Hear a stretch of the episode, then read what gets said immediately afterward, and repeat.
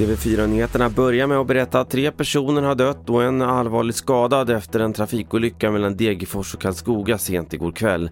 Samtliga inblandade är män och kvinnor i åldrarna 19 till 35 år. Enligt vittnen har en av bilarna körts i mycket hög hastighet och polisen har inlett en förundersökning om grovt vållande till annans död. Vidare till östra Jerusalem där det under natten återigen blev våldsamt när demonstranter och polis drabbade samman. Även på Västbanken blev det oroligt och israelisk militär uppger att raketer avfyrats från Gazaremsan mot Israel.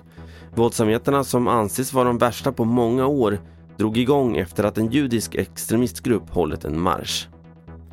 Och vi avslutar med att berätta att amerikanska myndigheter återigen gett grönt ljus till Janssens covid-19-vaccin som produceras av Johnson Johnson.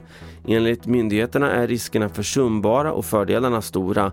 Igår meddelade svenska Folkhälsomyndigheten att Janssen-vaccinet fortsatt pausats för personer under 65 och att de över 65 kommer att få andra vacciner tills Sverige fått större leveranser av Janssens vaccin. Det här var TV4 Nyheterna. Jag heter Carl-Oskar Alsen.